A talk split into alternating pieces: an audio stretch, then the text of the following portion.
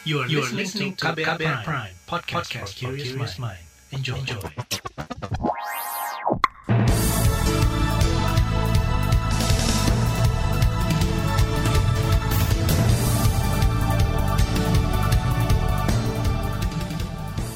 Selamat pagi saudara, senang sekali kami bisa menjumpai Anda kembali melalui program Buletin Pagi edisi Senin 12 April 2021 bersama saya Sindu Darmawan. Sejumlah informasi pilihan telah kami siapkan di antaranya penggabungan dua kementerian timbulkan masalah birokrasi. Kementerian Agama gelar sidang isbat penentuan awal Ramadan. Penanganan bencana alam di Malang dan Nusa Tenggara Timur. Inilah Buletin Pagi selengkapnya. Terbaru di Buletin Pagi. Saudara, pemerintah akan menggabungkan Kementerian Riset dan Teknologi Kemenristek dengan Kementerian Pendidikan dan Kebudayaan Kemendikbud. Penggabungan dilakukan setelah DPR pada pekan lalu menyetujui permohonan surat dari Presiden Joko Widodo tentang pertimbangan pengubahan kementerian. Wakil Ketua Komisi Bidang Pendidikan DPR, Hetiva Syaifudan berharap perubahan ini bisa mendorong fungsi Tridharma perguruan tinggi serta program kampus merdeka bisa lebih baik. Sebab kata dia, pendidikan tinggi dan penelitian merupakan dua hal yang tak bisa dipisahkan. Jadi kalau kementeriannya beda-beda gitu ya, jadi uh, policy dan kebijakannya kadang-kadang uh, bisa uh, mungkin overlap atau tidak sinkron. Nah mudah-mudahan ini juga bisa uh, mengefektifkan pengambilan keputusan jadi lebih cepat gitu di dalam dunia yang sekarang cepat berubah dan juga banyak tuntutan baru masa COVID. Nah mudah-mudahan dengan demikian uh, nanti keputusan-keputusan yang terkait dengan ide-ide baru uh, ini bisa yang ada hubungannya dengan pendidikan tinggi bisa lebih cepat. Itu tadi Wakil Ketua Komisi Bidang Pendidikan DPR Hetiva Syaifudan. Saudara dalam rapat Badan Musyawarah Bamus DPR tentang permohonan pertimbangan pengubahan kementerian disepakati dua hal, yakni penggabungan dua kementerian antara Kemenristek dan Kemendikbud, serta pembentukan Kementerian Investasi. Hasil rapat itu kemudian dibawa ke rapat paripurna dan disepakati anggota DPR. Surat permohonan pengubahan itu diserahkan oleh Istana ke DPR pada 30 Maret lalu. Kantor Staf Presiden KSP mengklaim penggabungan dua kementerian tersebut bakal mempermudah integrasi keduanya. Tenaga ahli utama KSP Doni Gahral mengatakan, pendidikan dan riset merupakan dua hal yang tak bisa, maksud kami, merupakan dua hal yang bisa dipadukan. Kata dia, hasil riset berupa inovasi bisa menjadi dasar bagus untuk memajukan pendidikan di Indonesia. Jadi untuk Kemenristek dan eh, Kemendikbud ya saya kira perlu ada satu sambungan antara teaching dan uh, research. Jadi antara pendidikan dan dan riset. Nah, karena ini dua yang tidak bisa dipisahkan ya. Jadi perlu ada ada satu satu penyatuan ya dalam satu kementerian supaya mempermudah untuk pengambilan kebijakan-kebijakan yang sifatnya integrasi antara sisi pendidikan dan sisi riset begitu. Tenaga ahli utama KSP Doni Gahral menambahkan penggabungan dua kementerian ini penting dilakukan sekarang sehingga pemerintah memiliki waktu cukup di sisa periode ini untuk mengukur kinerja dari penggabungan dua kementerian. Doni mengklaim penggabungan juga akan diperkuat dengan masuknya Badan Riset dan Inovasi Nasional BRIN ke dalam kementerian tersebut. Menteri Riset dan Teknologi atau Kepala Badan Riset dan Inovasi Nasional BRIN, Bambang Brojonegoro tak sepenuhnya gembira dengan rencana penggabungan Kemenristek dengan Kemendikbud. Menurutnya dari keputusan itu, belum diketahui nasib Badan Riset dan Teknologi Nasional BRIN ke depannya. Keputusan penggabungan dua kementerian itu bertentangan dengan usulan soal perubahan nomenklatur Kemenristek. Saya sudah mengusulkan kalau dipisah, BRIN-nya terpisah sebagai badan, kementerian yang kalau bisa kembali ke Ristek Dikti, ya karena di situlah sebenarnya uh, kombinasi yang baik, ya karena Dikti pendidikan tinggi itu memang heavy-nya di research, ya dan lembaga riset tentunya dengan perguruan tinggi adalah tadi komponen-komponen utama yang bisa melakukan kegiatan uh, ilmu pengetahuan, teknologi, dan inovasi di Indonesia. Menristek Bambang Brojonegoro juga belum mengetahui dampak peleburan dua kementerian itu terhadap lembaga pemerintah non-kementerian LPNK berbasis riset. Misalnya Lembaga Ilmu Pengetahuan Indonesia LIPI, Badan Pengkajian dan Penerapan Teknologi BPPT, dan Badan Tenaga Atom Nasional Batan. Sementara itu Kementerian Pendidikan dan Kebudayaan masih menunggu keputusan resmi Presiden Jokowi terkait penggabungan dua kementerian ini. Juru bicara Kemendikbud Hendarman mengklaim menyambut baik perubahan dari pemerintah terhadap lembaganya. Artinya kan ini menunjukkan tidak ada kesinambungan program bahwa Saudara, penggabungan dua kementerian tersebut diperkirakan bakal menimbulkan masalah birokrasi. Ini disampaikan pengamat hukum tata negara dari Universitas Andalas, Ferry Amsari. Menurutnya, penggabungan dua kementerian di tengah masa periode kerja justru memunculkan tanda tanya. Apalagi dua kementerian yang sebelumnya sudah pernah digabung di era Jokowi, lalu dipisahkan. Artinya kan ini menunjukkan tidak ada kesinambungan program bahwa apa yang dilakukan sebelumnya betul-betul dipikirkan secara matang dan tidak karena kepentingan hal-hal lain dilakukan pemisahan. Maka kalau orang lihat cara birokrasi bekerja, ini birokrasi yang serabutan. Begitu ingat sesuatu, lakukan. Begitu mau menggabungkan, ya udah gabungkan. Begitu mau memisahkan, ya pisahkan. Tidak membaca konsekuensi apa yang mungkin timbul dari penggabungan atau pemisahan kementerian-kementerian itu. Pengamat hukum tata negara dari Universitas Andalas Ferry Amsari menambahkan, penggabungan dua kementerian di tengah periode kerja akan berdampak pada jalannya administrasi negara.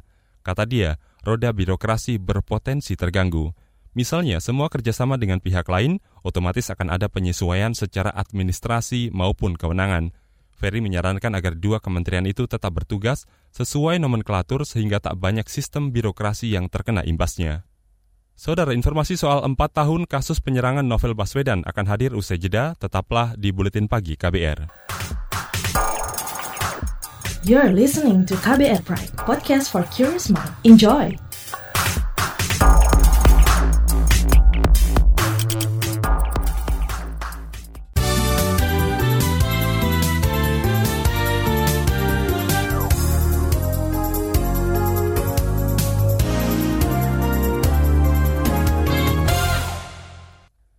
Saudara, pemerintah akan menggelar sidang penetapan awal Ramadan di kantor Kementerian Agama Jakarta hari ini. Dirjen Bimas Islam Kamarudin menjelaskan, sidang isbat akan digelar dalam jaringan dan luar jaringan karena situasi masih pandemi COVID-19.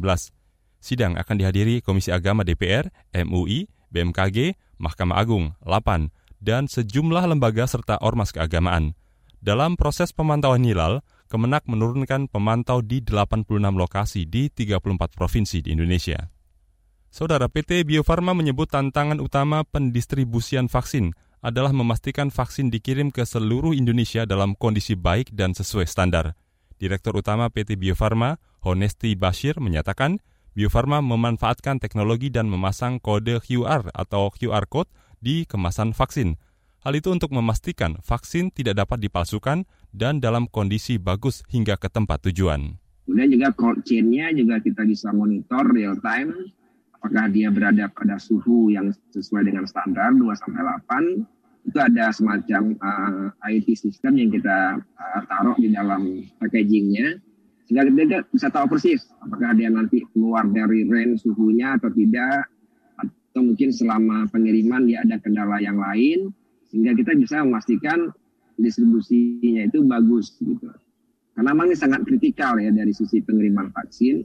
Itu tadi Direktur Utama PT Bio Farma Honesti Bashir. Sementara itu terkait perkembangan kasus COVID-19, hingga kemarin kasus positif virus corona bertambah 4.100-an kasus.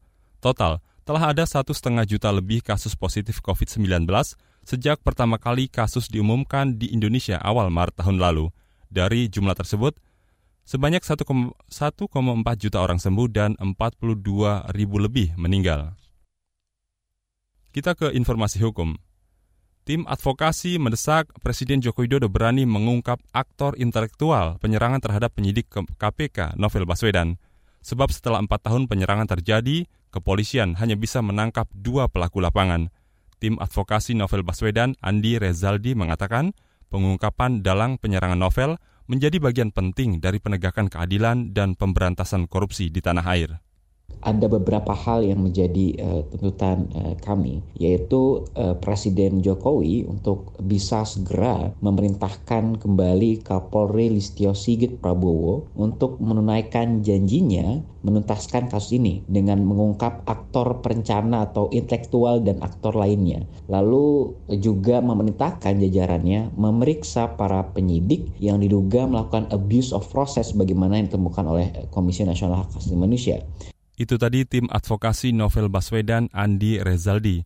Saudara, empat tahun lalu pada 11 April 2017, penyidik KPK Novel Baswedan diserang oleh sejumlah orang dengan disiram air keras. Siraman itu menyebabkan mata kiri Novel cacat permanen.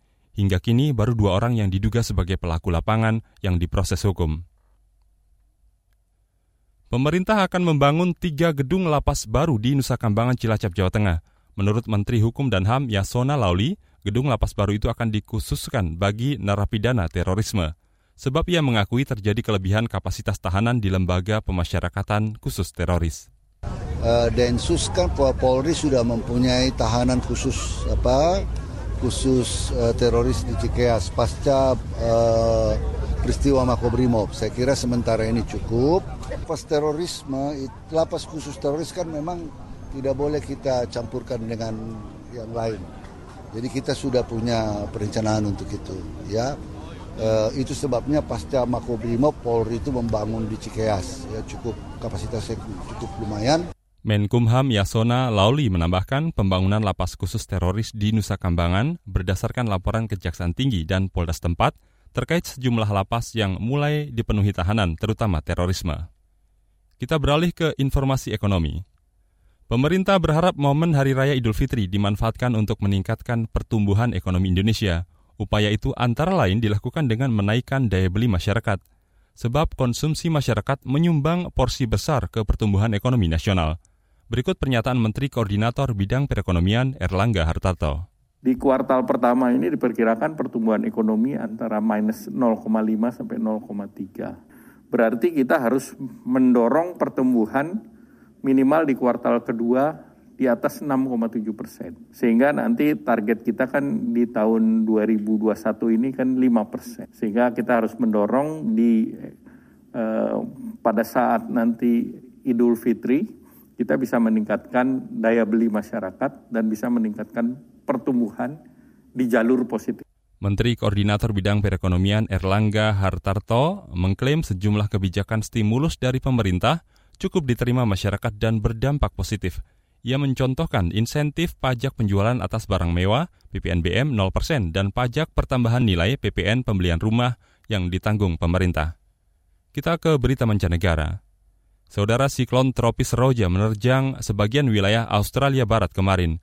Mengutip AP, pemerintah setempat meminta penduduk di Denham Shark Bay mengungsi ke tempat aman karena ada kemungkinan mengancam nyawa saat siklon Seroja mendekati daerah itu pemerintah setempat bersiap menghadapi kerusakan tinggi pada bangunan yang berada di daerah tersebut. Peringatan telah dikeluarkan bagi masyarakat yang tinggal di wilayah Carnarvon dan Northampton karena siklon tropis Seroja semakin cepat menuju pantai barat Australia. Pada pekan lalu, siklon Seroja juga telah menghantam wilayah Nusa Tenggara Timur.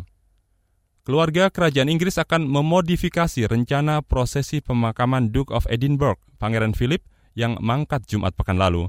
Melansir AFP, prosesi pemakaman Pangeran Philip diberi nama Operation Fort Bridge dan akan berlangsung Sabtu pekan ini 17 April 2021 di Kapel St. George, Kastil Windsor. Pangeran Philip meninggal dalam usia 99 tahun. Kita ke berita olahraga. Persebaya Surabaya gagal melaju ke semifinal turnamen sepak bola Piala Menpora 2021 setelah kalah 3-2 melawan Persib Bandung di babak perempat final yang digelar di Stadion Maguwo Harjo, Yogyakarta kemarin malam. Hasil ini membuat Persebaya harus pulang lebih awal, sedangkan Persib Bandung melaju ke semifinal. Pada laga lain, Persija Jakarta menang tipis 1-0 melawan Barito Putra di babak perempat final Piala Menpora 2021 di Stadion Kanjuruhan Malang. Gol semata bayang Mario Simic jadi penentu The Jackmania ke babak semifinal. Dari Liga Inggris, West Ham United menang 3-2 lawan Leicester City, sementara Tottenham Hotspur kalah 1-3 melawan tim tamu Manchester United. Dari laga Liga Italia, Inter Milan menang 1-0 melawan Cagliari dan semakin kokoh di puncak klasemen sementara Liga Italia. Di laga lain, Juventus juga menang 3-1 melawan Genoa. Saudara Saga KBR bertajuk Kala Jurnalis Kampus Bersua Kelompok Minoritas Agama akan kami hadirkan sesaat lagi. Tetaplah di Buletin Pagi KBR. You're listening to KBR Pride, podcast for curious mind. Enjoy!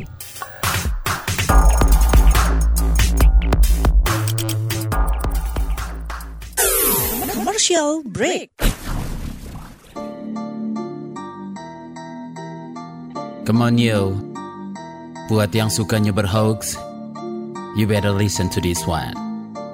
Check this one out yo.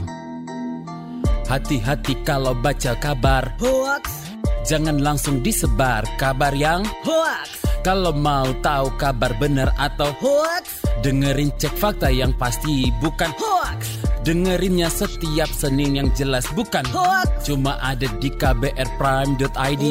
Dan aplikasi podcast lainnya hoax, Sudah cukup-cukup hoaxnya? hoax. Cukup Jaga emosi, tahan jari, verifikasi sebelum dibagi. Saya Ari Bowo Sasmito, Ketua Komite Pemeriksa Fakta Mafindo. KBR Prime, podcast for curious mind.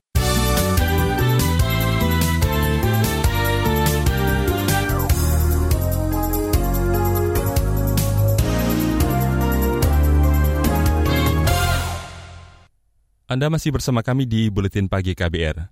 Saudara, dunia kampus berpotensi menjadi lahan subur penyebaran paham intoleran. Jika dibiarkan, generasi muda terancam mewarisi karakter anti keberagaman. Demikian halnya bagi mahasiswa yang berminat bekerja di media. Pemahaman tentang kebinekaan perlu ditanamkan sejak berkecimpung di lembaga pers kampus. Beberapa waktu lalu, komunitas Lintas Iman menginisiasi perjumpaan antara insan pers kampus dan kelompok minoritas agama di Kuningan, Jawa Barat. Jurnalis KBR Siti Sadida Hafsya mengamati langsung momen perjumpaan tersebut. SMA masih mendapatkan diskriminasi dari guru agama itu lucu sih sebenarnya. Ini adalah Reni Zahra Pratiwi, tokoh muda Ahmadiyah Manislor, Kuningan, Jawa Barat. Ia tengah bercerita tentang diskriminasi yang dialaminya kepada puluhan jurnalis kampus. Mereka berkumpul dalam forum bertajuk Jurnalisme Keberagaman yang digelar di Kuningan sebelum pandemi. Penyelenggaranya adalah Jemaat Ahmadiyah Indonesia bekerjasama dengan komunitas adat Sunda Wiwitan dan Persatuan Gereja Indonesia wilayah Jawa Barat. Reni mengisahkan sikap intoleran yang diterimanya sewaktu masih sekolah. Ia diperlakukan tidak adil karena stigma sebagai penganut ajaran sesat. Ya, kenapa kamu dengan potensi kamu yang seperti itu mau masuk dalam ajaran yang sesat? Nah, di posisi saya yang masih remaja gitu ya, kayak sakit banget gitu. Ya karena ketidaktahuan, kemudian rasa bencinya akhirnya nilai agama saya kelas 2 itu kosong tidak ada rapor. Juru bicara Jemaat Ahmadiyah Indonesia, Yendra Budiman, mengatakan bentuk diskriminasi yang juga kerap diterima adalah pelanggaran kebebasan beribadah. Pembangunan masjid selalu ditentang kelompok intoleran dan diamini oleh pemerintah daerah. Yang paling esensi itu adalah bicara soal toleransi dan bicara soal perdamaian harus berangkat dari keadilan. Kalau kita bersikap adil, maka orang mau beribadah ya dipersilahkan, orang mau bangun rumah ibadah dipersilahkan. Yang tidak boleh itu apa? Ya tentu bikin rumah ibadah yang melanggar tata ruang. Di Kuningan, kelompok minoritas agama tak cuma Ahmadiyah. Komunitas penghayat kepercayaan Sunda Wiwitan tak luput pula dari serangan kelompok intoleran. Agama leluhur yang mereka yakini sering dilabeli sesat, padahal yang mereka praktikan adalah ajaran hidup selaras dengan alam. Tokoh adat Sunda Wiwitan, Oki Satrio. Upacara adat kami itu selalu isinya penyelarasan unsur alam. Misalnya untuk pertama kami menyelaraskan biasanya unsur air atau angin. Air, api, angin itu juga kalau terlalu besar kita nggak bisa kontrol. Itu menjadi malapetaka.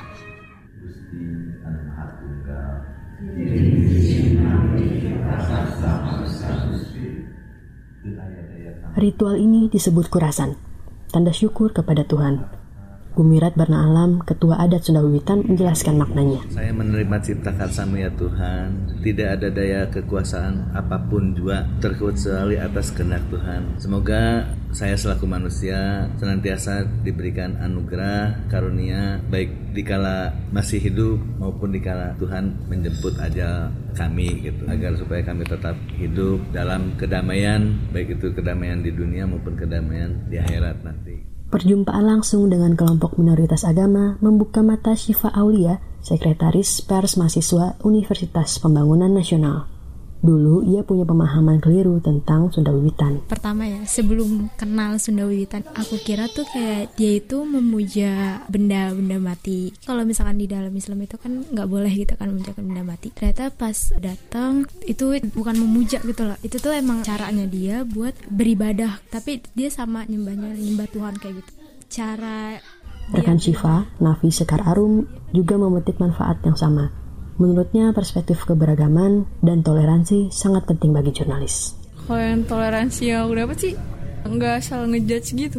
Maksudnya tetap mungkin kan banyak dapat informasi dari luar tentang ini dan ini. Dan kita di sini lebih guys tahu lagi maksudnya ternyata tuh di luar nggak kayak gitu. Dan kita sebagai misalnya jadi jurnalisnya ya tetap harus menghargai itu. Nggak boleh misalnya kita memihak satu ini tapi kita nggak tahu faktanya itu gimana. Demikian saga KBR saya Siti Sadida Hafsyah Saudara informasi dari daerah akan kami sajikan usai jeda. Tetaplah di Buletin Pagi KBR. You're listening to KBR Pride, podcast for curious mind. Enjoy!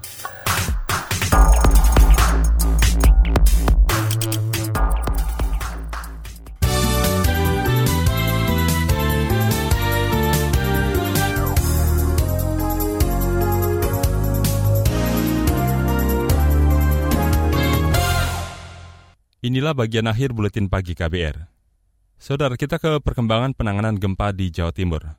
Presiden Joko Widodo memerintahkan jajarannya melakukan tanggap darurat gempa di Malang dan beberapa wilayah lain di Jawa Timur. Jokowi juga menginstruksikan Kepala BNPB, Basarnas, Menteri Sosial, Menteri Kesehatan, Menteri PUPR, Panglima TNI, Kapolri, serta Pemda cepat menangani gempa tersebut untuk segera melakukan langkah-langkah tanggap darurat, mencari dan menemukan korban yang tertimpa reruntuhan, dan melakukan segera melakukan perawatan pada korban yang luka, yang luka-luka dan e, juga penanganan dampak dari adanya gempa bumi tersebut. Presiden Jokowi juga mengingatkan kepala daerah tetap waspada akan bencana alam seperti gempa yang bisa terjadi setiap saat – Saudara data Badan Nasional Penanggulangan Bencana BNPB mencatat 8 orang meninggal dan 39 orang luka akibat gempa bermagnitudo 6,1 dan 5,5 yang mengguncang Malang dan sekitarnya pada akhir pekan lalu. Sebanyak 16 kabupaten kota di Jawa Timur terdampak gempa. Wilayah yang paling parah kerusakannya yakni Malang dan Blitar. Kita ke Nusa Tenggara Timur akses bantuan ke Kabupaten Kupang, Nusa, Tenggara Timur masih terputus pasca banjir yang menerjang wilayah itu sepekan lalu. Wakil Gubernur NTT, Yosef Naisoi, mengatakan ada beberapa desa di Kabupaten Kupang yang belum terjangkau bantuan dari pusat. Daerah-daerah yang belum terjangkau oleh kita, yaitu di Kabupaten Kupang. Dan memang ini agak terlambat kita mendapat informasi, karena memang kondisi daerahnya yang terputus karena hanya bisa dilalui oleh jalan darat dan oleh laut. Wakil Gubernur NTT Yosef Naisoy mengatakan hari ini pemerintah provinsi akan mengerahkan helikopter dan kapal feri untuk membawa bantuan ke Kupang. Bantuan juga akan diterus disalurkan ke daerah-daerah lain di NTT. Hingga kemarin, jumlah korban meninggal akibat banjir NTT mencapai 177 orang dan 45 orang masih dinyatakan hilang. Kepolisian daerah Papua berencana mengevakuasi warga dari Beoga, Kabupaten Puncak, ke Sugapa, Kabupaten Intan Jaya. Mengutip antara news.com, Kapolda Papua Matius Fakiri mengatakan, evakuasi dilakukan untuk menghindari aksi kekerasan oleh kelompok kriminal bersenjata di sana. Sebab beberapa hari sebelumnya dua orang guru diduga tewas lantaran ditembak KKB. Kapolda menjelaskan, evakuasi akan dilakukan menggunakan helikopter TNI Polri. Saudara, informasi tadi menutup jumpa kita di Buletin Pagi hari ini. Pantau juga informasi terbaru melalui kabar baru, situs kbr.id, Twitter kami di akun @beritaKBR, serta podcast di alamat kbrprime.id.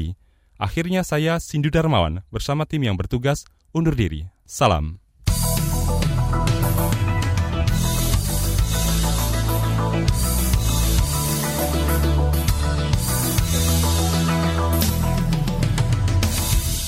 KBR Prime, cara asik mendengar berita. KBR Prime, podcast for curious mind.